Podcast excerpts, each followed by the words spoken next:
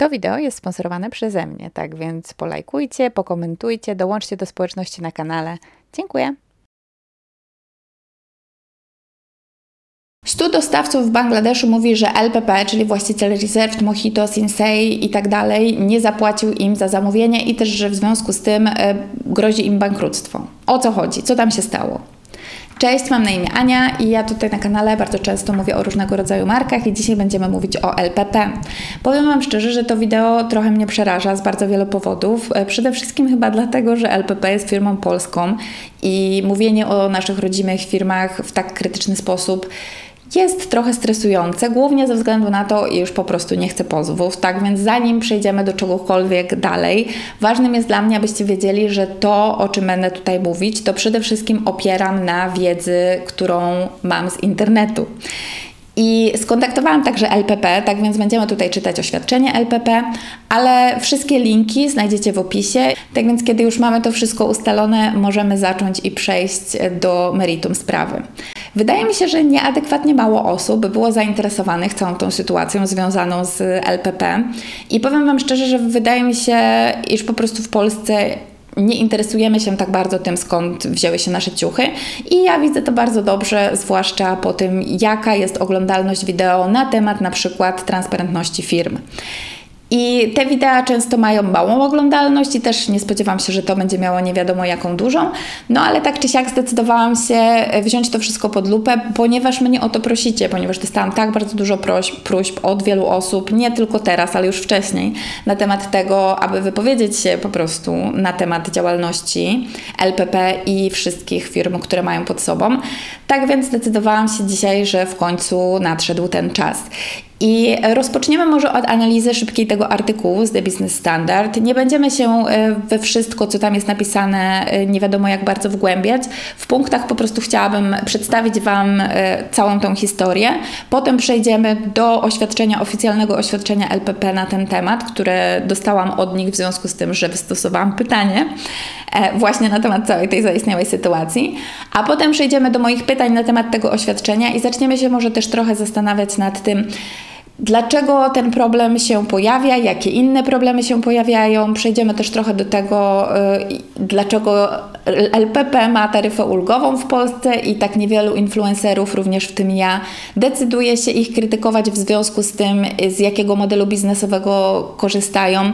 No i mam nadzieję, że będzie to całkiem wyczerpujące wideo, które spełni oczekiwania wszystkich tych, którzy chcieli właśnie o tym posłuchać.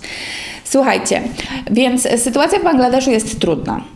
Liczba dostawców, którzy są poszkodowani, to ponoć 18 fabryk i te 18 fabryk mówi, że LPP wygenerowało u nich dług o wielkości około 60 milionów dolarów.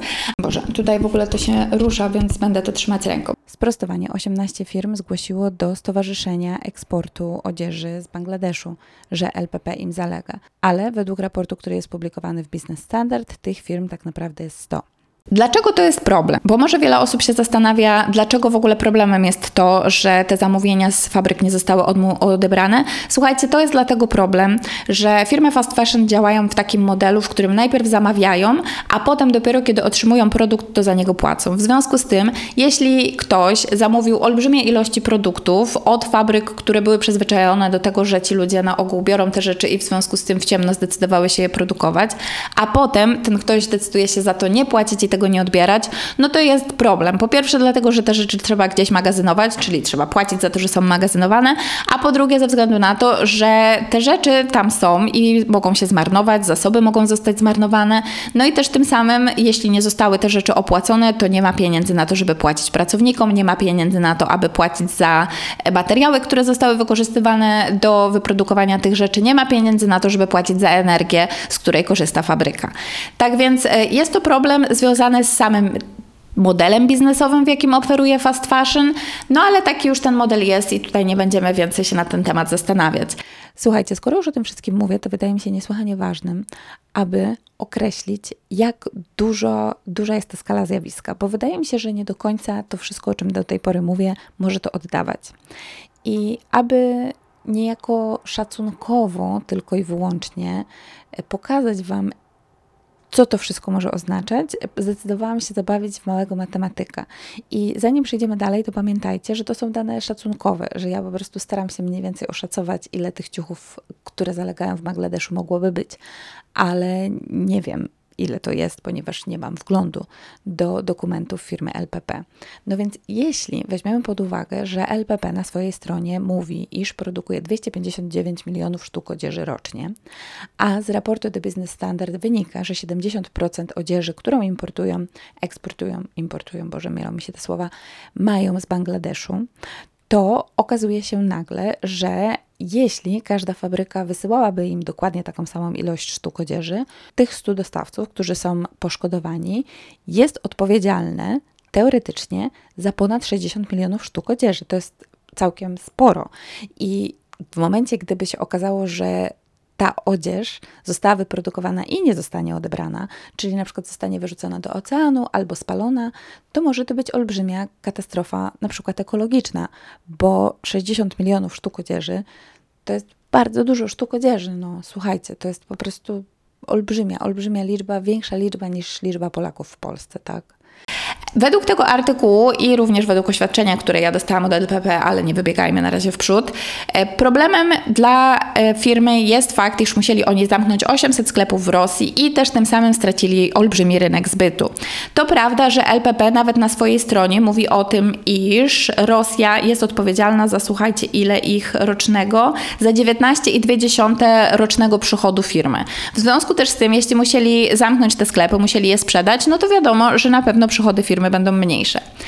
Tutaj chyba wydaje mi się, że muszę zrobić krótką dygresję na temat czegoś, czego nie ma w artykule, ale co wiem z innych artykułów, które oczywiście znajdziecie w opisie, a mianowicie faktu, iż no tak, firma LPP sprzedała wszystkie swoje fabryki, które są w Rosji, ale z drugiej strony przecież sprzedała je firmie, która miała dostać też wszystkie produkty, które na ten rynek zostały wyprodukowane i z wideo, które pojawiają się na YouTubie rosyjskim wiem, że te sklepy, które, które operują jako nadal Reserved, czy Sinsei, czy House i tak dalej, mają produkty na stanie, tak więc Hmm, wydaje mi się to całkiem ciekawe. LPP nie odnosi się w swoim oświadczeniu do tego mojego pytania, ale idźmy dalej. O co tutaj też jeszcze chodzi? No słuchajcie, generalnie chodzi po prostu o to, że te fabryki teraz e, stoją w sytuacji, w której grozi im bankructwo, a LPP co? No LPP bierze wszystko na klatę, słuchajcie. I LPP wystosowało oświadczenie, które wysłało mnie, ale też pewnie innym ludziom. I słuchajcie, teraz możecie zobaczyć na ekranie to oświadczenie. E, a dla osób, które słuchają mnie na Spotify, po prostu na szybko je przeczytam. E, potwierdzamy, że LPP zmuszone zostało do czasowego wstrzymania części dostaw z Bangladeszu. Powstałe zakłócenia mają jednak charakter wyłącznie przejściowy, a ich skala jest znacznie mniejsza niż zostało to przedstawione w artykule opublikowanym przez portal The Business Standard. Wszystkie zobowiązania wynikające z zawartych przez LPP umów zostaną uregulowane. Od października towary są cyklicznie odbierane od dostawców i sukcesywnie zwiększamy ich wolumen. Towary, które opuściły Bangladesz są już opłacone. Jednocześnie zapewniamy, że do grudnia bieżącego roku ponad połowa przedmiotowych zamówień zostanie odebrana, a należności za nie uregulowane. Kolejne wypłaty będą realizowane sukcesywnie zgodnie z terminami ustalonymi z naszymi lokalnymi partnerami, z którymi pozostajemy w stałym kontakcie. Powstałe zakłócenia w łańcuchu dostaw są skutkiem wybuchu wojny w Ukrainie, która została LPP w momencie dynamicznego wzrostu rosyjskiej spółki, która stanowiła ponad 20% przychodów grupy LPP. W wyniku sprzedaży podmiotów w maju tego roku powstała konieczność zagospodarowania zamówionego na ten rynek towaru przy ograniczonych możliwościach przechowywania go w naszych magazynach. To wszystko przełożyło się na tymczasowe wydłużenie terminów odbiorów zamówień od dostawców w Bangladeszu. Jesteśmy odpowiedzialni oraz świadomi zawieranych przez LPP zobowiązań, pozostajemy w stałym kontakcie ze wszystkimi firmami, których dotyczy ta sytuacja, prowadzimy z nimi indywidualne rozmowy i ustalenia dotyczące harmonogramu odbioru zamówień. Jesteśmy również w dialogu z lokalną organizacją, jesteśmy również w dialogu z lokalną organizacją handlową, e, by móc zagwarantować im właściwe wsparcie również na poziomie lokalnym. Zapewniamy, że wszystkie odebrane towary zostaną wykorzystane przez LPP, produkty te będą przesuwane na kolejne sezony i lub wprowadzane do sprzedaży w Polsce i innych rynkach, na których jesteśmy obecni. Biurę prasowo LPP. E, no więc taka była ta odpowiedź. Ja mam do niej bardzo wiele pytań i może teraz po prostu na szybko Wam powiem, jakie są te pytania i dlaczego je mam. No więc po pierwsze, LPP mówi, że skala wydarzenia jest mniejsza niż ta, która została przedstawiona, ale nie mówi jak mała. Wiecie, ja jestem po prostu trochę uczulona na niepodawanie liczb i od razu zaczynam sobie myśleć, czyli jest mniejsza o 1%, 2%, 3% czy 50%. No, nawet jeśli jest mniejsza tylko o 1%, to zawsze lepiej, zawsze lepiej 1% mniej ludzi głodujących w Bangladeszu, no ale jednak jest to zupełnie nieścisłe. Dalej, inna rzecz, która jest według mnie całkiem interesująca, to tak jak właśnie już mówiłam przed chwilą, wytłumaczenie problemu z rynkiem zbytu spowodowanego e, tym, że zamknęły się sklepy w Rosji. No bo tak jak już mówiłam właśnie wcześniej, skoro sklepy zostały sprzedane do kogoś, kto tak naprawdę ma sprzedać asortyment, który został wyprodukowany na Rosję, no to dlaczego skąd biorą się te problemy, tak? Przecież są sklepy, do których można to upchnąć. No jednak na to pytanie nie dostałam od LPP odpowiedzi. Inne pytanie, które tutaj mi się nasuwa, to, że jest taki dobór słów, który możliwe, że po prostu się czepiam, ale mówi, iż zapewniają, że wszystkie towary odebrane zostaną wykorzystane. Nie, nie o to mi chodziło. A chodziło o to, że oni tutaj mówią, że zapłacą za wszystko, co odbiorą. Czyli że odbiorą wszystko, czy że zapłacą tylko za to, co odbiorą, a co się stanie z tym, co nie zostanie odebrane. No, jakby tutaj jest e, wiele pytań. Możliwe, że ja, jako iż od dawna zajmuję się tego typu sprawami, to po prostu jestem bardziej e, taka, no nie wiem, pytająca w związku z tymi oświadczeniami prasowymi. Jednak też nie można nie zwrócić uwagi, że LPP wzięło wszystko na klatę i super i fajnie, że chociaż tyle. Tutaj muszę dodać, że LPP rzeczywiście już y, nawet spotkało się z przedstawicielami tego związku zrzeszającego producentów tekstyliów w Bangladeszu i został wystosowany jakiś plan ratowania tych firm, które obecnie są w tak strasznie ciężkiej sytuacji finansowej. Nie do końca wiadomo, co zostało w tamtym czasie ustalone, oprócz tego, że LPP nadal będzie korzystać z usług bangladeskich firm. Tak? To wiemy na pewno, że zostało ustalone. Co więcej, no ja nie wiem, ale może LPP kiedyś nam powie. Oczywiście wolałabym, abyśmy dowiedzieli się o tym wszystkim od LPP, aby ich biuro prasowe mówiło o tym, jakie mają problemy i dlaczego, no ale jednak też nie jestem głupia, nie będziemy się tego spodziewać po nich, jako iż według raportu e, Fashion Revolution przejrzystość ich produkcji no, nie jest zbyt duża. Według tego raportu znajdują się oni w, tym, w tych ramkach od 11 do 20% produkcji jest transparentna, a reszta nie. I tutaj muszę od razu powiedzieć, że na pewno nie oznacza to, iż 80% ich produkcji nie jest transparentna, dlatego że w ogóle tam są mordowani ludzie i Bóg wie, co innego się dzieje. Nie. To po prostu świadczy o tym, że nie wiemy, co tam się dzieje. No ale dlaczego nie wiemy? Dlaczego w sytuacji, kiedy taka jest popularność, taka jest chęć ludzi dowiedzenia się, jakie fabryki są wykorzystywane w procesie produkcji, gdzie te ciuchy powstają i tak dalej, dlaczego LPP decyduje się nie dzielić tymi informacjami? Nie wiem. Może boją się szpiegów przemysłowych. Może, y, nie wiem, może po prostu uważają, że nie trzeba, bo polski konsument tego aż tak bardzo nie wymaga. Myślę, że rosyjski konsument również tego aż tak bardzo nie wymaga. I też tym samym, skoro ich klienci ich do tego nie zmuszają, to czemu mieliby to robić?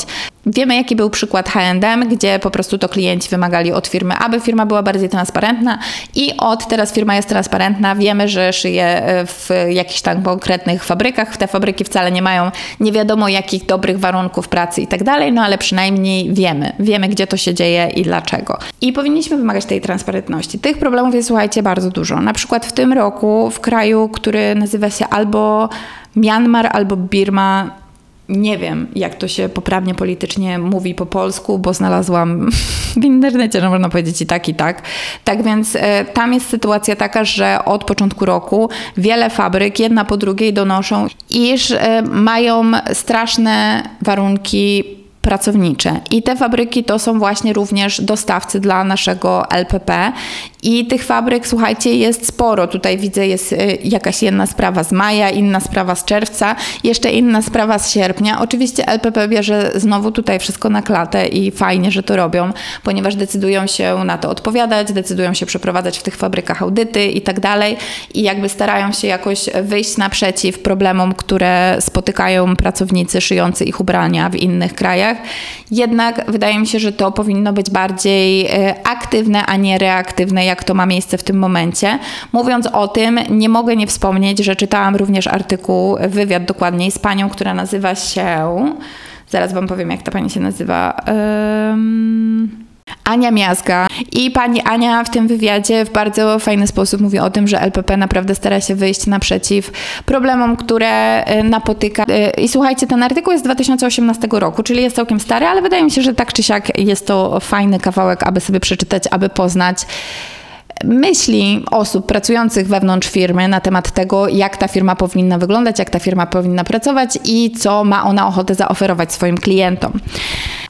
Tak więc tak, wydaje mi się, że powoli dochodzimy do końca tego odcinka, bo też tak naprawdę ile mogę tutaj powiedzieć na ten temat. No, teraz powinnam dojść do konkluzji i do moich opinii na ten temat. Ja, słuchajcie, boję się wygłaszać opinii na ten temat, boję się pozwów, boję się tego typu rzeczy, nie będę was oszukiwać, ja się po prostu tego boję, bo wiem, że inne dziewczyny, które pro, publikowały różnego rodzaju informacje w mediach społecznościowych i nie tylko, miały całkiem sporo problemów. Chyba koniec końców nie kończyło się jednak pozwami, tylko jakimiś wymianami listów prawniczych pomiędzy jedną a drugą stroną. No ale jednak e, tak czy siak e, to bardzo często powstrzymuje mnie przed tym, aby mówić, co myślę na temat Reserved, a powinnam mówić e, częściej o tym, iż ich model biznesowy według mnie nie jest zrównoważony, nie będzie zrównoważony, niezależnie od tego, czy odbiorą te produkty od firm w Bangladeszu, czy nie. I jestem z nich mega dumna, że się zachowują w spoko sposób i że się nie wypieli, bo wiem, że wiele innych firm w tego typu sytuacjach, na przykład podczas COVID-u się wypinało. Tak więc czapki z głów dla nich i fajnie, i, i propsy, i w ogóle. Jednak nie zmienia to faktu, że są firmą fast fashion, że produkują olbrzymie ilości ciuchów, że popychają nas do zakupu, że żerują na tym, abyśmy dokonywali tych tak zwanych impulse buy i tak dalej, i tak dalej, bo po prostu ich model biznesowy tego od nich wymaga. No i tym samym ja nie mogę ich uznać za firmę zrównoważoną, pomimo tego, iż mają jakieś tam zrównoważone kolekcje, które są wykonane z fajnych materiałów i są nie najgorsze i tak dalej. I mówiąc w ogóle o tym wszystkim, też nie mogę nie wspomnieć o tym, że tak naprawdę mówienie negatywnie, zwłaszcza o firmach, które są naszymi rodzinnymi firmami i firmach takich jak Reserve, które jednak robią coś tam dobrego, jest też bardzo trudne z takiego punktu widzenia, słuchajcie, po prostu nie wiem w sumie jak to nazwać. Chodzi mi o to, że ja y, pomimo tego, iż nie zgadzam się z modelem biznesowym, z którego Reserved y, czy tam LPP generalnie, tak, jako firma korzysta, to też nie mogę nie przyznać, iż cieszę się i fajnie, że płacą oni podatki w Polsce i też tym samym y, zasilają nasz budżet państwowy olbrzymią ilością gotówki co roku.